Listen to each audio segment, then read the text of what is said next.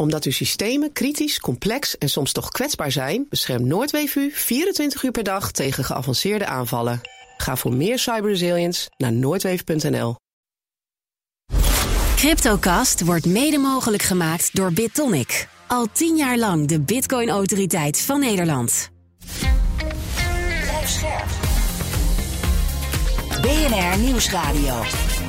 Cryptocast.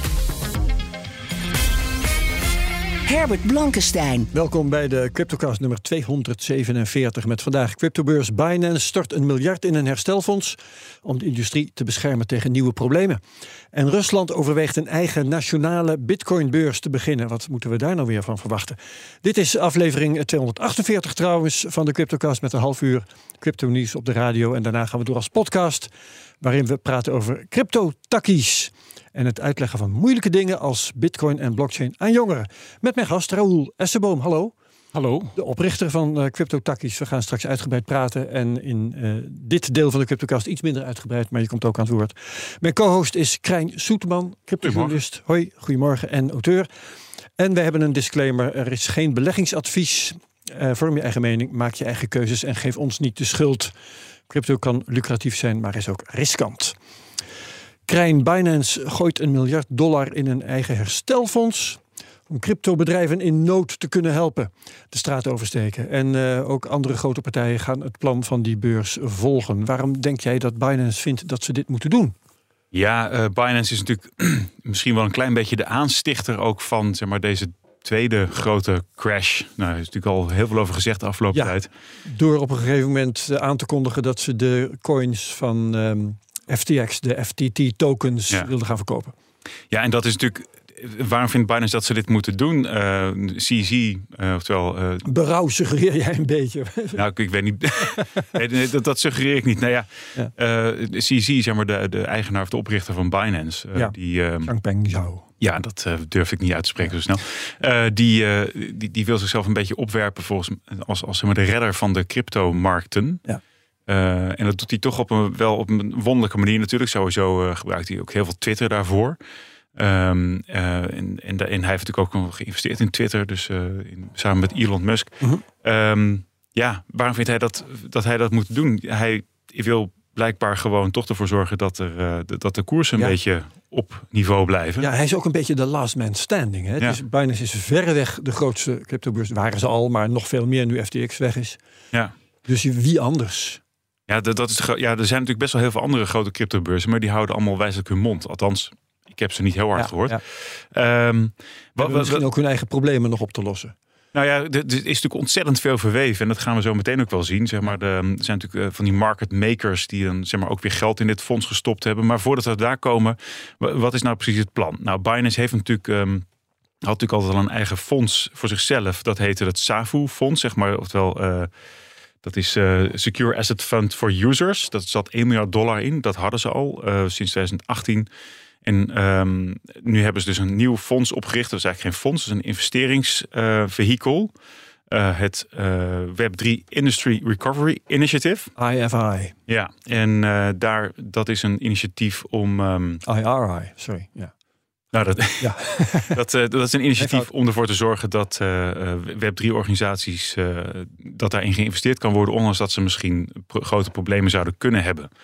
Het is dus geen investeringsfonds, maar het is een, een vehikel om ervoor te zorgen dat er, um, nou, dat er dus wel geld nog is voor bepaalde zeg maar, ideeën binnen de Web3-omgevingen. Ja. En dat dat toch niet instort en meegesleept wordt door deze hele FTX-crash en wat er allemaal steeds ja, op volgt. Want, uh, ja, het hangt dus eigenlijk op twee gedachten. Het oplossen van problemen en het stimuleren van Web3. Dus een beetje een... Uh, uh, ja, twee, twee dingen willen doen met, met één ja. één stuk gereedschap. Ja, het, het, het lastige is natuurlijk van als nu alles instort rond Web 3, omdat, omdat ineens alle geld wegvalt, dan, ja, dan heb je toch een probleem. En dat, dat zou zonde zijn, want er is natuurlijk ontzettend veel geld geïnvesteerd. En er zijn heel veel ja. plannen bedacht en heel veel dingen. Maar luister nou eens, um, in het geval van FTX, als dit fonds er was geweest, uh, had het geen oplossing kunnen bieden. Want uh, 1 miljard is te weinig ja. voor een dergelijk probleem. Um, dan kun je veel kleinere problemen oplossen. Maar dat redt de industrie weer niet. Is dat 1 miljard eigenlijk wel genoeg? Nou, het is natuurlijk, eh, als jij 1 miljard in kas hebt. Eh, en als er ergens iets dan omvalt, dan heb je zeg maar wel een soort van. eh, dan kun je wel zeggen van wij willen geld lenen, want we hebben 1 miljard in kas. Dus wij zijn op een bepaalde manier solvent. hoe heet zoiets? Ja, solvent, Ja. solvabel. ja, en dus, dus op die manier kunnen wij, willen wij dit nu ondersteunen. We, Ja. we hebben geld genoeg. Ehm, dan kun je, dan kun je meer, Meer steun. lenen. Ja, Ja. Maar, maar ook me- meer steun op gang brengen. Ja. en ik bedoel, je hoeft dus niet die 8 miljard te hebben die FTX nu verloren heeft. Nee, oké. Ehm, maar voorlopig verwachten wij denk ik toch alleen maar veel kleinere problemen. Ja, en, en dat is, en bedreigen die de industrie wel eigenlijk. BlockFi gaat nu failliet bijvoorbeeld, gaan we straks nog over hebben. Ja, dat is natuurlijk een lastig ding. Hè? Want uiteindelijk het idee van cryptovaluta of bitcoin was natuurlijk ooit van... we staan los van de, ehm, van de markten. We, staan, we hebben daar niks mee te maken. In de zin van er is geen... altijd een fictiekrijn. Ja, dat klopt. Dat is altijd lastig. Maar het, het idee was natuurlijk van... er is geen centrale partij die om kan vallen. Nou, en je ziet, eh, FTX is een, is een centrale partij die omgevallen is. Ehm, aan de andere kant probeert CZ nu heel duidelijk te laten zien... wij zijn een Web3, wij zijn echt zo se- gedecentraliseerd als mogelijk is. En we bewijzen dat doordat dit fonds ook echt daadwerkelijk... duid- eh, volgbaar moet zijn op de blockchain. Op welke blockchain dan ook. Ik weet niet precies. eh, het zal in eerste er instantie allerlei blockchains volgens mij. Ja, er de- allerlei coins in. Het fonds waar, zeg maar, waar ze zelf nu een miljard eh BUSD ingestort hebben, dat, dat is eh, een ERC20 token. Dus dat is eigenlijk natuurlijk eh, de Ethereum blockchain. Mhm. En dat is ook wel weer interessant trouwens. Ehm, ja, er zijn natuurlijk ook partijen die misschien mee willen doen aan het investeringsvehikel ehm, die geen, die, die geen ehm, eh, hoe heet zoiets, eh, exposure mogen hebben naar blockchains iets, of iets dergelijks. Ja. En daar willen ze ook nog gaan zoeken om te kijken of ze daar ruimte voor kunnen maken of hoe ze dat kunnen koppelen. Is dit nou ehm, altruïsme van Binance of dienen ze hiermee ook hun eigen belang? Ik denk dat, dat, dat we dat pas ook in de toekomst kunnen gaan zien wat daar het echte idee achter was. Het is ze lastig. gebruiken in elk eh, geval hun eigen munt. Ja, de BUSD en BNB. Ja. Ja, klopt. Hun eigen munten, inderdaad, meervoud. Ja, eh, wie doen er verder mee? Zijn er eh, al partijen bekend die zeggen... wij willen ook wel bijdragen? Ja, dat is een aardige lijstje. Ehm, eh, waaronder Jump Crypto, Polygon Ventures, Aptos Labs, ehm, Anomica Brands, GSR, Kronos en Brooker Group. Ik weet niet van welke je allemaal gehoord had. Eh, heel weinig, eigenlijk. Ja, dat is dus het ook wel weer interessant hoe dat dan achter de schermen zit. Hè? Want ehm, er zijn gewoon deze groepen, zeg maar, deze, deze bedrijven zijn vaak eh, onderdelen van investeringsfondsen. Ehm, of ze bijvoorbeeld dat Aptos eh, heeft een eigen blockchain uitgebracht. Die is dan net in oktober eigenlijk live gegaan. Dat zou dan zo'n hele snelle blockchain moeten zijn die toch layer one. Nou, we kennen het verhaal. Eh, maar daar zitten enorm veel investeerders in, zoals A16Z, eh, Tiger Global, FTX Ventures, voilà, Hey. Daar komt hij langs. Coinbase Ventures, Binance Labs, PayPal Ventures. Nou, dan heeft Dat FTX, bekende namen. FTX later nog een keer geld geïnvesteerd en dat Jump Crypto. En de Jump Crypto is dan weer geconnect door dat die groot zijn in de Solana blockchain. En de Solana blockchain was Ja, ook een belangrijk dingetje bij FTX. Ehm, dus al die. Dus eh, ja, ik denk dat het. Dit gaat natuurlijk een heel groot staartje krijgen. Want er zijn die mensen die gaan hier heel hard induiken. en kijken hoe het allemaal gekoppeld is, is aan elkaar. Het lijkt nu bijna wel alsof ze elkaar gewoon. om in ieder geval niet onder water willen laten komen te staan. Ja. En er zitten ook wel heel veel andere bedrijven in. Zoals zo'n ehm, GSR, dat is een liquidity provider. Dus eigenlijk een market maker. Maar niet natuurlijk voor heel veel grote eh, crypto exchanges. Eh, ook de, eh, zeg maar de hele oude zoals Kraken en zo. Ja, dat, dat moet toch market makers moeten er zijn. En die zitten er ook weer tussen. oké. Ehm, een eh, complex geheel. Dus. Ja. Raoul Esseboom, ehm, als jij dit eh, uit moet leggen aan jongeren, hoe, hoe begin je dan? Nou, hier zou ik al sowieso niet aan beginnen om dit eh, te gaan. Nee, maar de problemen die er zijn, het ondergaan van FTX, eh, waag je je daaraan? Ehm, nou, tot op heden heb ik nog geen vragen erover gekregen, dus dat scheelt. Maar eh, ja, het mogen duidelijk zijn dat al die verstrengelingen het uitleggen van dit probleem niet gemakkelijker maken. Nee, het uitleggen van bitcoin en blockchain is moeilijk genoeg, waarschijnlijk. Precies. Ja, ja, nou komen we straks, zoals ik al gezegd heb, aan toe. Ik ga nu eerst even praten met Bert Slachter, analist bij de digitale nieuwsbrief Bitcoin Alpha. Goeiedag Bert. Goedemorgen. Eh, we gaan het hebben over de prijzen. Eh, om te beginnen wou ik even eigenlijk aan de orde stellen dat, eh, nou ja, misschien kun je toch zeggen dat er weer eentje om is gegaan, namelijk BlockFi.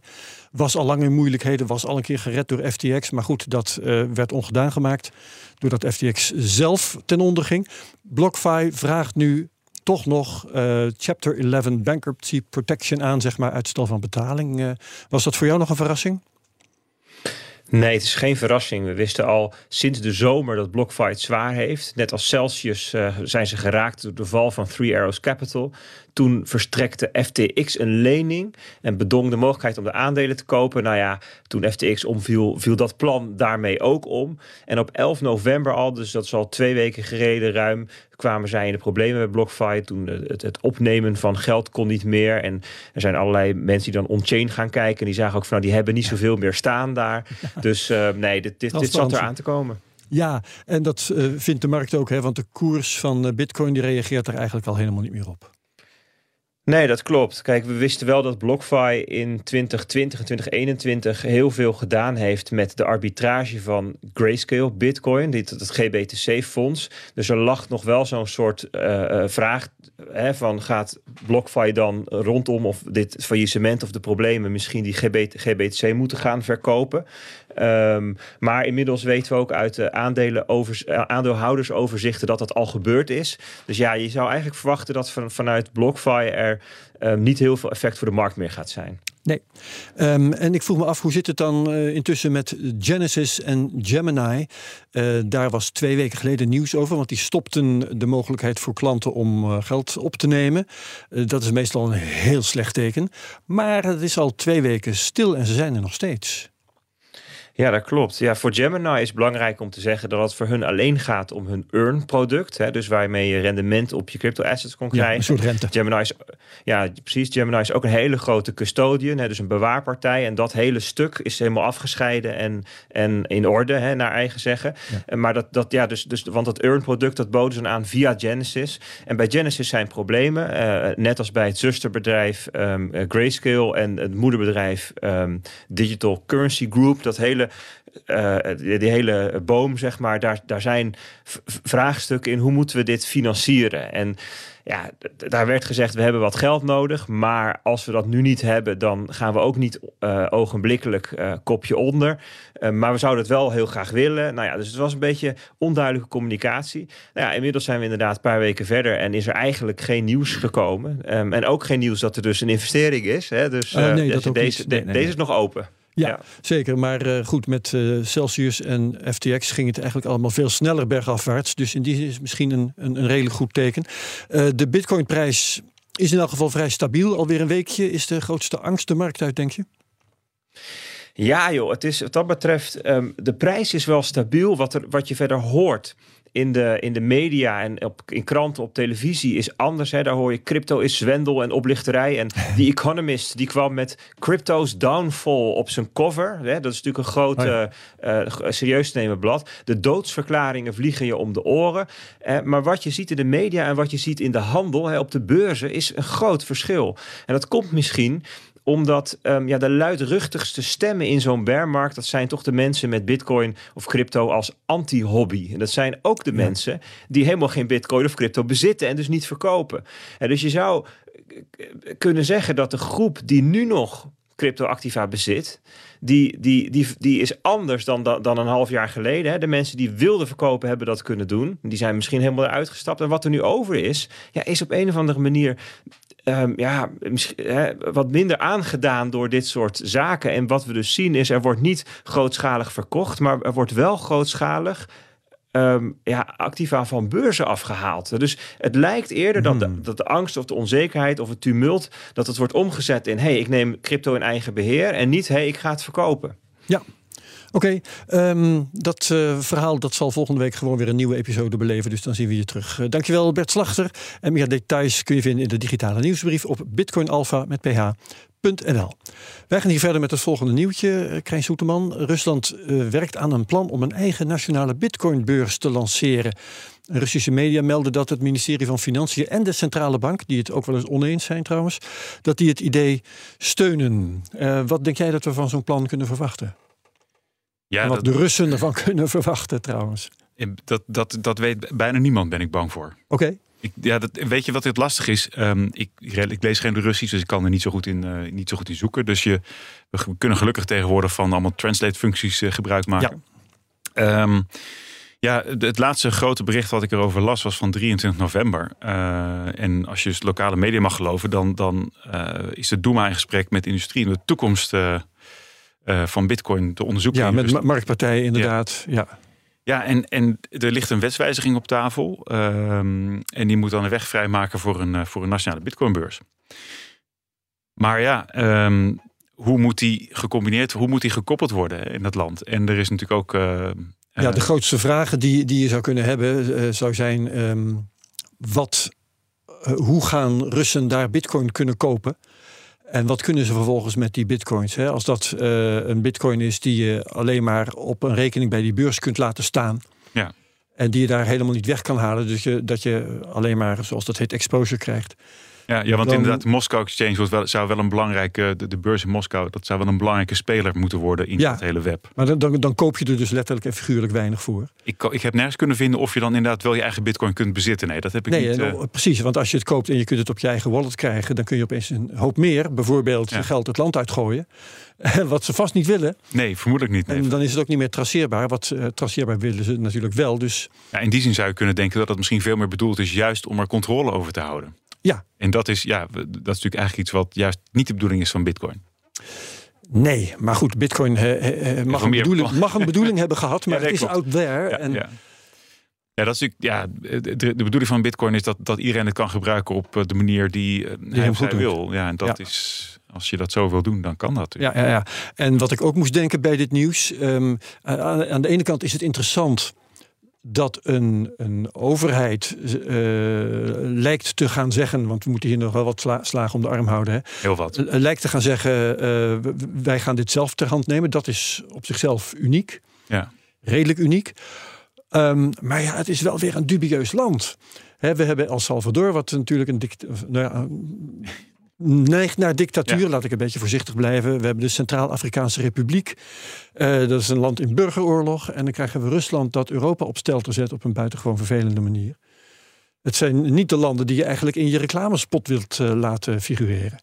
Nee, dat lijkt me ook niet. En dat is natuurlijk ook het, het- wat, wat mij altijd opvalt, is dat dit dan juist weer als nieuws naar buiten komt, omdat het een land betreft. Maar ja, wil je daarmee eh, jezelf inderdaad, ja, hoe, hoe, hoe, hoe wil je daarmee Associëren. omgaan? Ja, ja, ja. ja. En, en eh, hoe serieus is het? Hè? Want het is een, eh, in er is een wetsontwerp, er is Ja. overleg met marktpartijen. Nou ja, er zijn wel best een paar dingen die je kunt opsommen. Hè? Eh, het, wat ik in de inleiding zei, het ministerie van Financiën en de Centrale Bank schijnen ervoor te voelen. Nou, ja, er was ook onlangs eh, een mogelijkheid zeg maar, dat, er dat mining gelegaliseerd zou worden in Rusland, of in ieder geval makkelijker gemaakt zou worden. Ja. Maar daar heb ik ook niet echt veel meer van gehoord. Dus dat zijn allemaal van die, het zijn allemaal van die snippets die naar buiten komen. En waarvan je moet afwachten wat er uiteindelijk mee gebeurt. Ja. Dus vooralsnog zou ik zeggen van, ehm, ja, we hebben geen idee. Nee, Ehm, nee, nee. Heb jij een idee, Raoul? Raoul Essenboom van CryptoTakkies.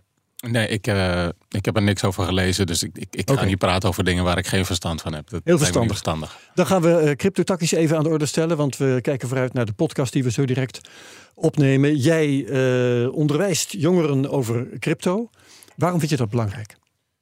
Eh, ik, ik denk dat iedereen het recht heeft eh, om te weten hoe bepaalde technische innovaties eh, werken. Ehm, en als het beperkt blijft tot alleen maar een bepaalde groep, zou dat ontzettend zonde zijn. Dus daar maak ik me juist hard voor om dat open en toegankelijk te maken voor, voor een ieder die dat wil.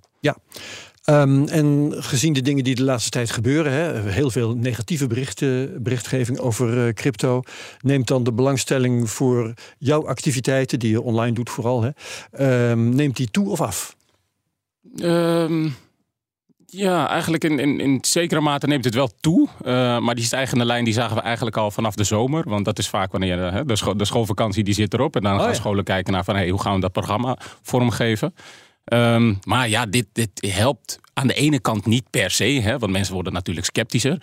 Uh, maar uh, ja, scepticisme kan aan de andere kant ook zorgen voor ja, wat, wat, wat vragen.